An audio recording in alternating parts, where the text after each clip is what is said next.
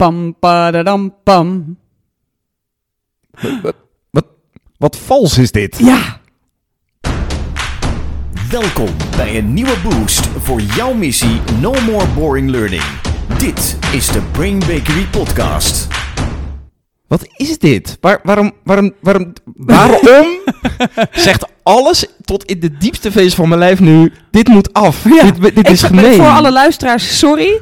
Eh, dit was een effect waar wij het vandaag over gaan hebben. Maar ik maak hem eerst even af Ja. voor iedereen die nog zit te verlangen. Ja. Pam, padadam, pam.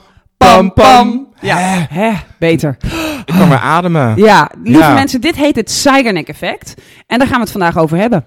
En dat betekent dat we, eh, eh, dat we het vandaag gaan hebben over dat er iets met een restaurant is. Ja, het is ontdekt in een restaurant. Wauw. Ja. Mozart komt voorbij. Ja, die heeft er heel veel mee gedaan. Ja. En Ernest Hemingway. Ja, de beroemde Nobelprijswinnaar. Ik ben in zijn huis geweest in Key West in eh, Florida. En ik heb ontdekt daar dat hij het Zeigarnik-effect gebruikte om tot zijn grote productiviteit te komen. Want de groene man dronk zich helemaal te pletter. Maar gebruikte het Zeigarnik-effect om toch heel productief te zijn. En ik denk dat dat de grote boodschap van vandaag is. Hoe kun je nog productiever zijn? Door eigenlijk je brein te tricken. Hmm, wat heerlijk. Ja, Maar wat een vals begin. ja, Ja. sorry. Eh, het Zeigernik-effect. Ja, het Sjane gaat, Bakker. het gaat over Bloema Zeigernik. Eh, zij was een Russin en in de jaren twintig studeerde zij al. Zij was met name geïnteresseerd in als je iets niet afmaakt, wat doet dat dan met je brein? En dat ontdekte zij allemaal in een restaurant, maar daar straks meer over. Ja. Wat zij gedaan heeft, is zij heeft een heel aantal proefpersonen naar binnen gehaald. En zij heeft ze twintig taakjes gegeven. Kleine taakjes. Tien mentale taken, dus waar je mentale arbeid voor moest eh, verrichten. En tien fysieke taken, waarbij je iets moest doen. En wat zij heel vals deed, was Mhm. dat zij de proefpersonen eh, consequent onvoldoende tijd gaf om de taakjes af te ronden. Ah, wat gemeen. Ja, heel vals. Maar alles voor de wetenschap. Ja. En dan, wat Bloema dan vervolgens deed, was dat ze na afloop zei ze, nou, het is nu klaar, je tijd is om, eh, op. En dan vroeg ze aan die mensen om een lijst te maken van welke taken had, heb ik je allemaal gegeven. En nu gebeurde er iets interessants. Ja. Want ze herinnerden zich twee keer zo vaak taken die ze niet af hadden. Oh.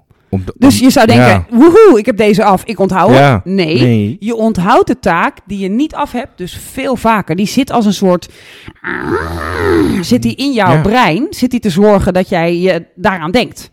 En dat je het dus eigenlijk niet kunt verwerken dat die niet af is. En zij noemt dat de urge for closure. En als het goed is, toen ik de pam, padadam, pam, Ja. Pam, Pam, pam, deed, voelde je die urge van die pam, pam moet nog komen. Ja. En dat is dus een, een effect in het brein, het Zeigarnik-effect, eh, dat ieder mens heeft. En dat is de urge for closure. En die kun je dus heel goed gebruiken. Wat lekker. Ja. En wat heeft dit met Mozart te maken? Ja, nou, wat er gebeurde, dit is een legende. Dus Oh. eh, ik durf het niet helemaal wetenschap te noemen, maar het is wel een gaaf verhaal. Mm. Ehm, op een gegeven moment was Mozart natuurlijk, die was best wel ziekelijk. Dat weten de Ja. meeste mensen die wel iets weten van Mozart, weten ze wel. En op een gegeven moment kwam er een vriend van hem toch langs, terwijl Mozart zei, ik lig hier hartstikke ziek op bed, laat mij met rust. En die vriend zei, maar ik kom toch. En die vriend die besloot, ik speel een symfonie voor hem. En die begon dat te spelen gezellig bij het bed van Mozart. Mozart leek in slaap te vallen, dus die vriend dacht halverwege, ik stop, ik ga weer, stapte in een koets met paarden, zo stel ik mij dat zo voor. Ja. En Mozart was, sliep helemaal niet, was gewoon aan het genieten. En eh, was doodziek, kon helemaal niks, slap als een vaatdoek. Maar zei tegen iedereen, haal mij nu, til mij op Ja. uit bed. Want ik ga, deze symfonie moet af. Dit kan niet.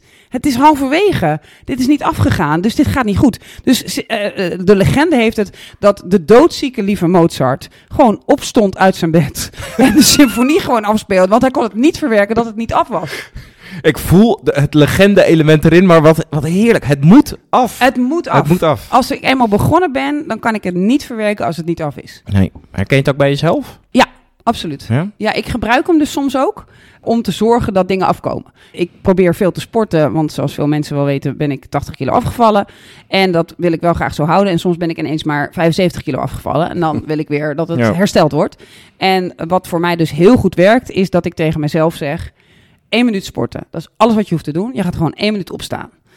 En eh, dat is het gebruik maken van Ja. het Zeigarnik effect. Want na die ene minuut denk ik dan... Nou, nou, Nu. dit gaat best wel. En normaal is 10 minuten toch wel beter. Dus ik blijf nog even staan. En als ik dan denk, ja, maar 10 minuten hou ik niet vol, dan zeg ik, oké, dan doe ik 4. Nou, en na 4 denk je dan, hmm, want dat is natuurlijk ook nog weer een ander effect wat er dan bij komt. Je motivatie ontstaat pas Ja, na het doen. ja. En je motivatie ontstaat niet voor het doen. Dus wachten op die motivatie helpt niet. Gebruik het Zeigarnik-effect. Ja, lekker. Ja. ja. En dat deed Hemingway dus. Ja, Hemingway die deed dat. Hemingway eh, natuurlijk eh, super beroemd, Nobelprijswinnaar, het belangrijkste Ja. boek, The Old Man and the Sea. Als je het niet gelezen hebt, ben je een lore. Lees dat boek. Prachtig boek. En ik ben op, eh, op bezoek geweest in Key West. Daar heeft hij een hele tijd gewerkt. Daar was het meest beroemde het café, de Sloppy Mhm. Joe, waar hij heel veel kwam, omdat hij heel veel dronk. Maar hij had ook een soort ijzeren discipline. En een van de dingen die zij vertellen waarom hij zo'n ijzeren discipline had, was dat hij aan het eind van zijn werkdag Mhm. Begon hij een nieuwe paragraaf aan linea of zoiets. En dan schreef hij de helft van een eerste zin. Oh, wat slim. Waardoor Ja. de rest van de nacht, Ja. tijdens dronkenschap, het vervolg van die zin, iets trok hem vervolgens terug met kater en al, Ja. om weer aan de tafel te gaan zitten, om het vervolg van die zin te gaan schrijven. En ja, dat is een ultiem gebruik van het Zeigarnik-effect. Wat goed. Ja, Ja. Weet je ook, dat is niet per se relevant, maar weet je of hij al wist van dit effect? Dat hij wist, ik ga dit effect gebruiken? Of was dit... dat, dat hebben ze er Nee, niet bij gezet. nee, maar nee. dat zou wel heel mooi zijn Ja. geweest. Maar ik denk dat hij het per ongeluk heeft ontdekt. Ja. En Maar- dat hij dus heeft ervaren wat wij net erv- ervoeren aan het Ja. begin. Dat hij natuurlijk dacht, hey, als ik zo'n zin niet afmaak, dan, Dan- moet dat. Dan, dan Ja. blijf ik daar last Ja. van houden totdat ik het gecomplete heb. Totdat ik het af heb. Wat Ja. lekker hoor. Ja. En dit is allemaal ontdekt in dat restaurant. Nou, het, het, het, het idee voor haar onderzoek eh, kreeg zij vanuit het restaurant. Ja. Dus wat er gebeurde was, zij was in Berlijn aan het studeren met een aantal vrienden. En ze ging met een best wel grote club vrienden, gingen zij uit eten in een restaurant. En toen had je natuurlijk nog niet handhelds die alles voor je onthielden. Of dat je, wat je nu dan hebt, zo onpersoonlijk, dat je met een Ja, QR-code QR, moet ja. je gaan bestellen. In plaats van dat er een human being leuk ziet bij je niemand komt. meer. Nee. Maar goed, ze, had, ze zat best wel met een grote tafel. Ze hadden allemaal verschillende drankjes, verschillende gerechten. En die ober, die onthield alles. Die wist wie wat had, wie dit eerst wilde en dan dat. En ook bij het afrekenen wilden sommige mensen delen apart betalen. Wist hij ook. Dus ze hadden aan tafel al tegen elkaar gezegd: Tering, die Ja. man heeft echt een geheugen. Ja. Dat is ongelooflijk zeg. En toen eh, hadden ze betaald, afgerekend, liepen ze weg. En toen was een van de gasten, een van haar collega's of vrienden, eh, was zijn portemonnee vergeten. En die liep terug met haar naar die ober. En eh, ze staan voor die ober, waar ze dus heel vriendelijk mee hadden gepraat. Die wist alles van ze enzovoort. En die ober die kijkt ze een soort glazig aan. Eh, wie zijn jullie? En eh, die man zegt, ja, we zaten daar net. Ik ben mijn portemonnee vergeten. Er volledig van uitgaand dat die man Ja. dat nog wist. Wat ze vervolgens ontdekte was dat die man echt geen idee had. Die kon dat ook niet meer reproduceren. Die wist ook niet meer dat er daar dus twee tafels aan elkaar geschoven hadden gestaan. Die had een soort total erasure van hun bezoek daar. Ehm, dus kon ze eigenlijk ook niet helpen. nee. Terwijl hij dus andere dingen heel goed Super onthield. goed onthield. Ja. Dus, dus Ja. dat bracht Bloema toen misschien ook, misschien is dat ook wel een klein thema hier in licht alcoholische staat. dat zij ook bedacht van, hey, hoe kan het nou dat, dat tijdens de taak weet die man alles, Ja. maar zodra de taak weg is, is het ook Is een soort uit dus, zijn, ja. is Ja. uit zijn geheugen. Wat gebeurt er dan met taken die we niet afmaken? En zo is zij dat onderzoek begonnen. Wat fascinerend. Ja, hè? Ja. Ja. En er is dus recent ook nog een studie naar gedaan. Er zijn heel veel studies gebaseerd op, op haar ontdekking gedaan. In die studie, wat ze deden, was dat ze mensen taakjes lieten doen. En vervolgens zeiden ze op een gegeven moment van, nou, de taak is nu klaar. eh, je mag nu niet meer verder gaan. En eh, die puzzel was dan nog niet opgelost. Het was een soort puzzel. Mhm.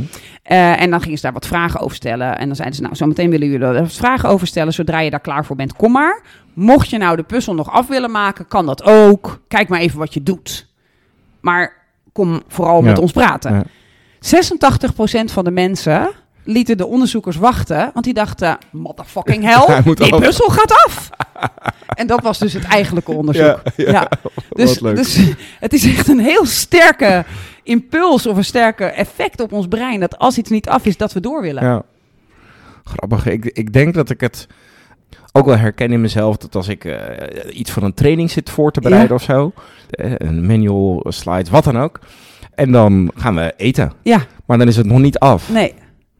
Ja, dan ga ik s'avonds... Het moet... Het moet eh, je- getest, zullen we lekker, Ja. zullen we lekker... Ja, Nee, nee, het moet af. Het moet af, Ja. Nou, ik, ik gebruik hem dus in de omgekeerde zin best wel vaak, dat ik denk... Want ehm, even over Rolien, die de editing doet. Rolien is de grote puinruimer bij ons. Als er ergens een puinhoop is, dan gaat zij dat doen. Ik ben meer de onderhouder. Dus ik gebruik vaak het Zeigernik effect, dat ik denk... Oké, even een klein dingetje doen... En dan merk ik dat ik doorga, Ah, ja. want dan is het Ja. nog niet af. Ja. Dat helpt mij heel erg. En het zit natuurlijk overal, hè? Dus eh, je kan geen TikTok-filmpje openen of YouTube-filmpje Ja. waar iemand dan zegt van, ehm, ik heb vijf tips voor je. Oh. Oh, en de nummer één Ja. will blow your mind. Oh. Eh, en dan blijf je, je Ja. moet, je hersenen denken dan, ja, ik moet naar die nummer één. ja. Ja. en ik- En als je met de nummer 1 bent begonnen, dan maak je ze alle vijf af. Precies, precies. Ja, dus afmaken zit in ons, terwijl toch heel veel mensen in hun brein iets denken over zichzelf als eh, ik heb geen discipline, Ja. ik maak nooit iets af. Ja. Maar als je daar volgens mij dieper over na gaat denken, vermoed ik, dan ontdek je meer. Ik kan me er zelf niet toe zetten om te beginnen. Ja. En, dan, en dus maak ik dingen niet af. Maar dat komt eigenlijk meer door het niet beginnen. Want je kan het Zeigernik effect dus gebruiken om te zorgen dat je, dat je daarna, daarna doorgaat. Ja. En wij doen het ook wel in trainingen. Zeker. Wij doen eh, de Make 'em Hungry. We doen dan, oh, ik heb dit, oh, dit, deze hooggoed heb ik straks even nodig. Wat, wat, wat, wat, wat? En dan zie je dat de neuronen van je deelnemer weer gaan vuren. Die krijgen zin. En die, gaan, die vragen zich af, wat gebeurt er? Eh, natuurlijk wil je ze niet per se lang daarop richten. Dus je moet ze ook wel weer weghalen. Maar ze blijven wel een soort, wanneer komt dat? Wanneer komt dat? Waardoor er meer eagerness is. Waardoor er meer no more boring is. Ja. Ik vind het altijd heel lekker om eh, bijvoorbeeld vlak voor een pauze nog eventjes tegen deelnemers eh, te zeggen... Nou jongens, we gaan even lekker eh, pauze houden. Na de pauze horen we dan het verband is tussen een duif en multitasken. Dat soort dingen. Waardoor Ja. ze... Waardoor, en dan, Huh? Huh? dan stop ik ook meteen met praten. Dan loop ik een soort weg. Waardoor Ja. ze echt... Ik, maar ik wil Huh? wat nu? Wat, nu? Ja. Wacht even. Even wachten met die koffie. Geef het me nu. Ja. ja. dus het, het beginnen van iets kan ons ongelooflijk veel opleveren. Ja. En als je dan denkt soms van... waarom zit ik al zes uur eh, op Instagram... eh, allerlei foto's van iedereen te bekijken... dat is ook het Zeigernik effect. Ja. Want iedere keer ben je weer begonnen aan een filmpje... denk je, deze nog even af... En dan zit je weer in de volgende, de volgende, de volgende. Ze hebben op eh, Instagram heb je dan al een tijdje die meldingen. Dat als je, als je de, alle posts van je mensen hebt bekeken, dat er dan staat, er zijn geen nieuwe posts meer zo. Of je Ja, bent ja, helemaal bij. Ja. En het grappige is dat ik dan dus ook, dan komt er een soort rust over me heen. Dat ik denk, hé, lekker. Ja. Ja, het is af. Ja. Maar dan heb je die stories bovenin Ja, nog. Die ja, moeten dan ook nog. eindeloos. Ja, nee, Ja. dat klopt ook. Ja. Nee. Maar goed, iedereen, mensen, gebruik het Zeigernik effect. Eh, ode aan Bloema. Eh, zij heeft het ontdekt, zij heeft het gecoind en eh, er wordt heel veel mee gedaan. Doe, doe er jezelf ook een plezier mee en werk aan je eigen productiviteit. Juist. Wat lekker dat je weer hebt geluisterd. Deze podcast als onderdeel van de missie No More Boring. Ah! No more boring learning. Dit was de Brain Bakery podcast. Wil je meer weten? Kijk dan op brainbakery.com of volg ons op onze socials.